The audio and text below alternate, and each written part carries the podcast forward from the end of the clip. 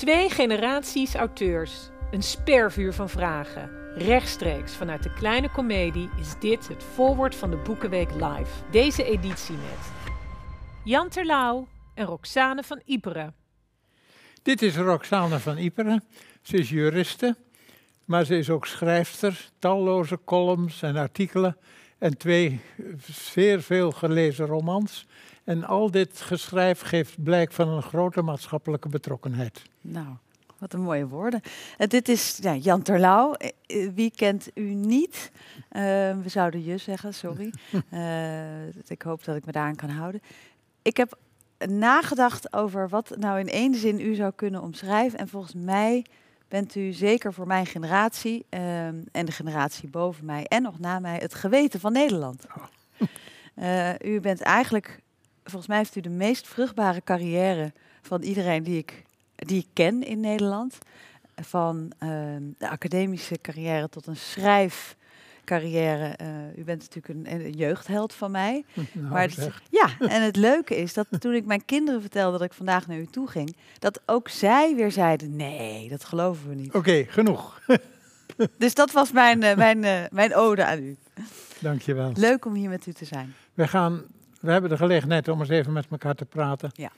Waar kun je niet of moeilijk over schrijven? Nou, ik zou je zeggen, ik vind dat er tegenwoordig ontzettend veel geschreven wordt over persoonlijk leed, over eigen buikgevoelens. Ja.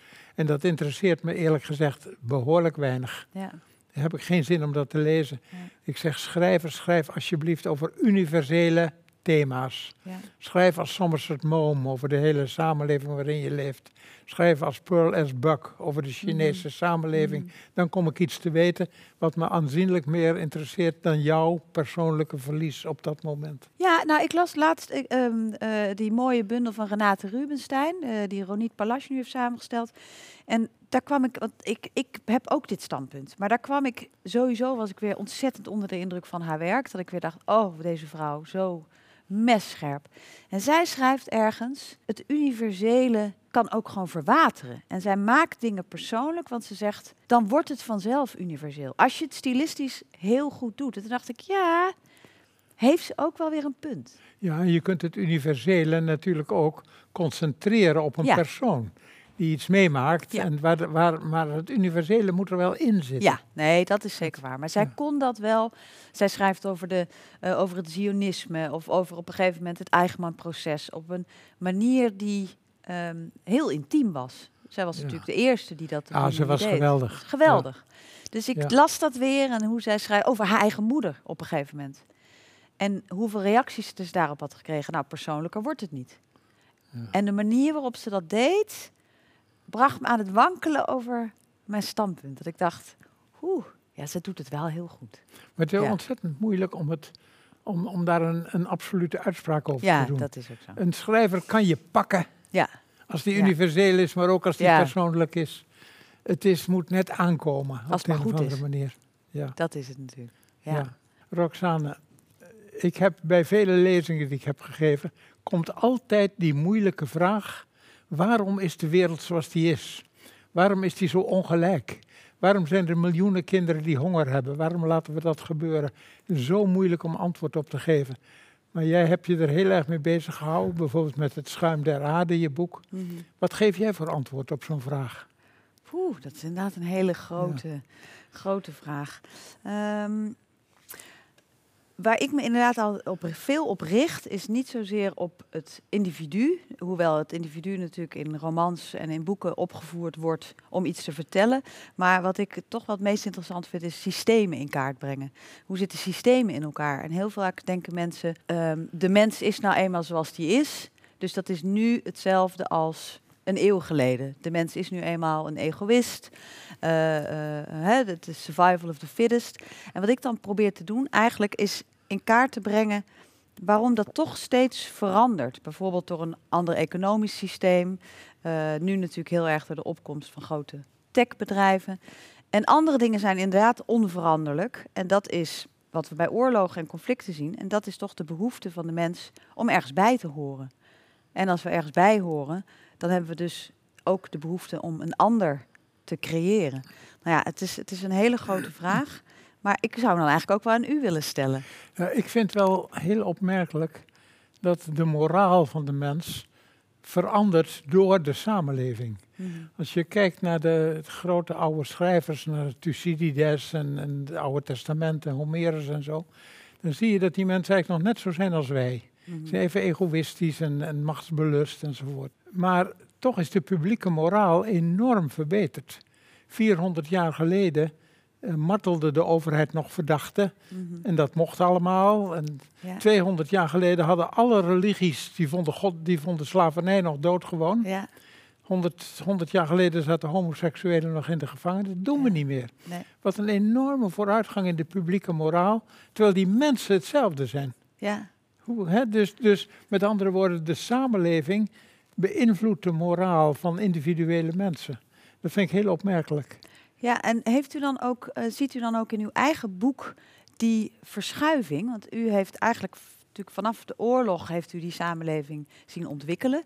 En ziet u in, in waar u over schrijft en waar u zich toe aangetrokken voelt, ziet u dat dat ook verschuift? Ik denk het wel, want ik probeer te beschrijven wat ik zie en hoe ik het voel. Ja. En ik denk, ik heb me dan veel op jonge mensen gericht. En dan denk ik, jongens, jullie zijn jong, maar je wordt straks staatsburger. Ja, En dat geeft je een grote verantwoordelijkheid en dan ga je meedoen aan die publieke moraal. ja. En Ja. u zegt dus eigenlijk, die is verbeterd. U ziet het nu rooskleuriger in. Voor wat betreft de publieke moraal vind ik dat er heel veel verbetering is. Maar er is iets anders wat verslechtert. Of wat in ieder geval onder ogen gezien moet worden. Wetenschappers praten hoe langer hoe meer over het antropoceen. We zeggen een geologisch tijdperk waar de mens een heel belangrijke invloed op heeft. En dat gaat de hele samenleving grondig veranderen, mijns Mhm. inziens. En als we dat niet doen, dan gaan onze kinderen daar erg onder lijden. Je hebt ook kinderen, hè? Mhm. En je, het kan je natuurlijk ontzettend veel schelen wat voor wereld zij straks hebben. Ja. En dat, daar zijn wij, die nu eh, het beleid bepalen, Mhm. hoogst verantwoordelijk voor dat dat een goede wereld is. En hoe kunnen wij schrijvers dan beter duidelijk maken ehm, hoe die wereld aan het veranderen is en hoe mensen, burgers, daar een positieve bijdrage aan kunnen leveren? Want we hebben net de verkiezingen gehad en daar lijkt het alsof er toch heel veel korte termijn eh, belangen veel meer spelen. Ja, het is ontzettend moeilijk. En wat ik steeds heb geprobeerd is, als ik een probleem tegenkwam, dat ik dacht, ik moet de jeugd laten zien dat het probleem er is. Ja, En dat het niet weggaat. ja. En dat zij er een bijdrage aan gaan leveren hoe het zich ontwikkelt. mhm, En het eerste wat je dan moet doen, is dat zorgen dat de mensen het weten, dat ze het probleem zien. ja. Neem de kl- klimaatcrisis. Het kan toch niet, Roxane, dat als iemand echt begrijpt wat er aan het gebeuren is, dat hij dat voor zijn kinderen niet wil veranderen. Nee, Dat hij daar niks voor over heeft, dat kan niet. nee. Dus als ze het niet doen, dan denk ik dat ze het niet echt weten. En dan hebben wij dus allemaal de verantwoordelijkheid, en zeker schrijvers, Ja. om het ze te laten weten. Ik denk dat jij dat ook doet in je boeken. Je laat zien, de- deze ellende is er. Mhm. Weet het, dan Ja. wil je er wat aan doen. Ja, nou, het blijft natuurlijk zo'n ingewikkeld proces, omdat je ziet dat de, de partijen die zeggen veel aan de klimaatcrisis te willen doen, die krijgen daar geen voet mee tussen de deur. Eh, en, en wat dat betreft, de coronacrisis heeft ook een positief effect, los van het feit dat iedereen daarop gericht is. Het klimaat is zich even aan het herstellen. Het lijkt wel alsof er een adempauze is. Ehm, vindt u het zwaar deze tijd? Ik persoonlijk niet. Maar goed, ik heb makkelijk praten. Ik woon eh, buiten en ik, eh, ik kan me prima redden. En ik, werk, ik heb nog van alles te doen. Lammetjes vanmorgen. Vanmorgen nog lammetjes geboren. Ja. Maar ook, ik schrijf nog heel veel voorwoorden en nog Ja. veel commentaren en zo. Dus nee, ik heb er heel weinig aan te lijden. Ik vind wel, nadat ik mijn kleinkinderen niet kan omhelzen, ja, dat, dat is heel naar. zijn vervelende dingen. Ja. Maar ach, Ja. dat gaat ook weer een keer voorbij. Ja. Nee, maar wat me vooral bezighoudt is hoe- hoe gaan we na die corona de samenleving inrichten? Het is in mijn ogen ondenkbaar dat we nog weer iedere dag tienduizenden vliegtuigen in de lucht zullen hebben. Ja. Dat kan gewoon niet Ja. meer. Gaan we dat accepteren of niet? Gaan we dat invullen met ander soort vliegtuigen? Gaan we van lieverlee synthetische kerosine ontwikkelen? Ja. Gaan we die inspanning doen of niet? Dat houdt me heel erg bezig. Ja, ik ben daar, ben daar wel vaak ehm, ja, niet, niet negatief, maar misschien realistisch over. In die zin dat ik, eh, ik, ben natuurlijk beroepsgedeformeerd. Ik hou me zo bezig met die industrieën. En ik zie, ik lees alle lobbyrapporten en ik hou alle lobbystromen in de gaten. Dus ik zie natuurlijk welke woorden er steeds meer in die rapporten voorkomen. Hoe die geldstromen zitten. Ehm, en dan is daar bijna niet meer tegen aan te vechten. Waar, waar denkt u nou dat iemand als ik nog zijn positiviteit vandaan moet houden? Dat het wel kan? Ben je een optimist of een pessimist? Nee, ik ben een optimist. Ik ben absoluut een optimist. Ja? Ja, ik ga uit van de kracht. van aard ben je een Ja, optimist. nee, absoluut. Ja, dat denk ik echt. Dus als je zo'n boek schrijft, denk je dan het moet positief eindigen? Nee, nee. Met hoop? Nee, Nee? het boek schrijft natuurlijk zichzelf. Daar heb ik geen. Het ligt eraan ook of het fictie of non-fictie is. Non-fictie, dan hou ik me aan eh, eh, wat er is gebeurd. Ja, tuurlijk. Ja. Ehm, en bij de fictie schrijft het boek, ja, heb ik daar ook weinig invloed op, denk ik. Maar ik ga wel uit van de kracht van de mens en van de eh, veerkracht van de mens. We kunnen ontzettend veel. Hè? Enerzijds kunnen we ontzettend veel en anderzijds zijn we dan ook weer zo zwak. Ja, bent u wel eens zwak? Ik kan me dat bijna niet voorstellen, maar waar heeft dit in nou, zwakke... zwak. Ik bedoel nou de mensheid in zijn Ja, totaliteit, hoe die zich ontwikkelt. Ik, ik ben, geloof ik, heel optimistisch. Ja? En dat, is, dat geeft een discrepantie, een tweestrijd. Ja. Want, want ik ben ook een wetenschapper en ik analyseer. En dan, en dan kom ik tot hele moeilijke conclusies. Ja, Maar mijn optimistische aard wil daar niet aan. ja, Die wil dat het anders kan. ja. Bent u gelovig? Nee. Nee, dat wist ik nou ook niet. Ben jij gelovig? Nee. Nee. Staat ik ben heel open? christelijk opgevoed. Ja. Maar al heel jong ben ik kritische vragen gaan stellen. ja. En het leuke is dat mijn vader, die dominee was, die kon daar heel goed tegen. Die zei Ja. nooit, foei toch jongen, lees de Bijbel of Wat bidden. bijzonder. Ja. Als ik, als ik zei, hoe kan dat nou, die oorlog die ik zo bewust heb Ja. meegemaakt. Hoe kan God dit hebben toegestaan of hè, niet hebben ingegrepen? En dan zei hij, het zijn toch de grote vragen die we niet begrijpen. ja. En dan zei hij niet, voel je toch dat je durft te stellen. Nee. En dus ben ik zo van lieverlee een agnost geworden. Iemand die zegt, er zijn nu eenmaal dingen die we niet weten en nooit zullen weten. ja. En daar berust ik in. En dat, dat- op de een of andere manier ben ik ervan gaan houden, van het mysterie. Er zijn Ja. dingen die ik niet zal weten. Nou ja, dat, dan laat u dus wel een bepaalde opening voor, eh, voor iets wat u niet in kaart kan brengen, wat u niet kan ja, begrijpen. dat weet ik niet. Ja. En ik berust daarin en ik probeer het als een mysterie mooi te vinden. Ja. Komt misschien ook wel door mijn natuurkundige opleiding. Ja. Ook in de natuurkunde kom je aan grenzen waar je het niet meer begrijpt. Als je zegt eh, 13,8 miljard jaar geleden of zoiets is in de oerknal is niet alleen materie ontstaan en energie, Mhm. maar ook tijd. Ja. En dan kun je dus niet de vraag stellen wat was daarvoor, want Nee. er was geen tijd. Nee. Nou, dat, dat gaat ons begrip te boven. Maar en Dat dan is vind ik dat heerlijk. ook eigenlijk wel ja. heel mooi. ja, dat vind ik ook. Dit, Dat is voor een soort dingen schrijver is dat ook heerlijk. wel iets moois. Hè? Ja, nou mijn kinderen hebben het vaak over dit soort dingen. Die zeggen dan van eh, zoiets als, ehm, ik lieg altijd. en dan staren ze me zo aan, zo van, nou nu jij weer.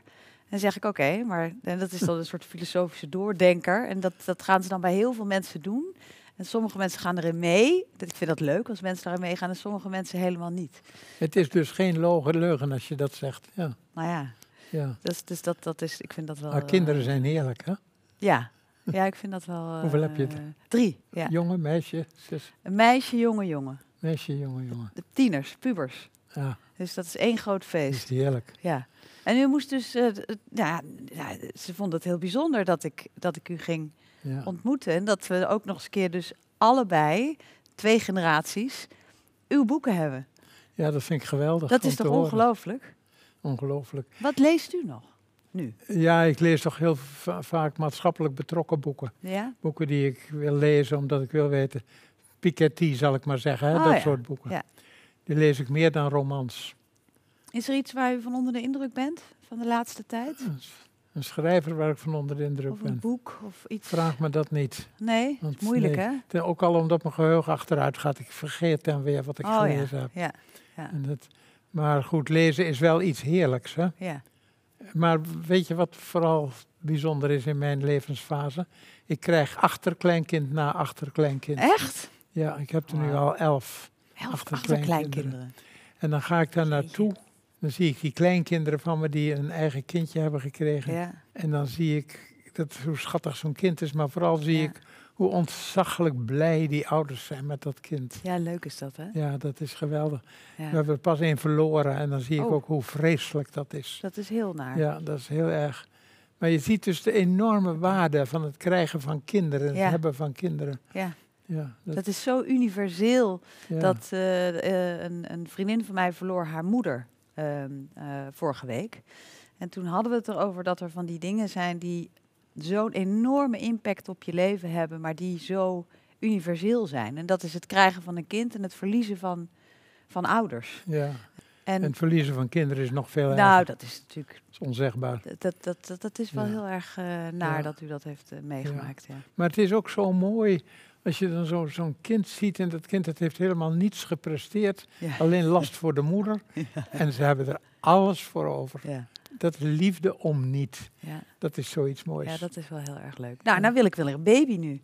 Nu, Je wilde weer een? nu wil ik wel een baby, ja. Ik ben kan altijd ik. sowieso Ik kan gek me heel op goed baby's. voorstellen. Ik moet zeggen, ik ben wel eens een beetje jaloers op vrouwen dat die een kind kunnen krijgen. Nou, terecht. Dat is het leukste wat er is. Ik toch vond het, zoiets het, leukste wat... eh, Ja. Zwanger zijn, het leukste wat er is. ja. Dat ik nou toch over zwangerschappen met Jan Terlouw zit te praten. Dat is wel heel erg leuk. Zeg, en het thema van de Boekenweek is eh, tweestrijd. Ja.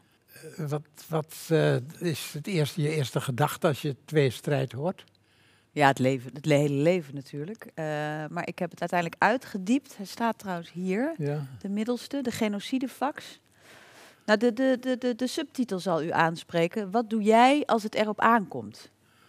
Nou ja, dat is natuurlijk uw... Hè, eh, U vertelde me net dat u 13 was eh, op het einde van de oorlog. Ja. Dus nou ja, u weet dan waarschijnlijk meteen waar die vraag over gaat. Ja.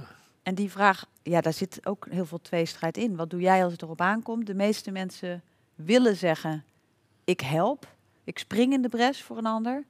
En iedereen weet ook wel, diep in zichzelf, dat de kans klein is dat is doen. dat wel zo? Hè? Nou ja, dus dat is Ja. eigenlijk wat ik heb geprobeerd uit te diepen ehm, Ja. in dat thema. Ja, Als, als je in jezelf een tweestrijd in deze tijd, ja. wat voel je daarbij?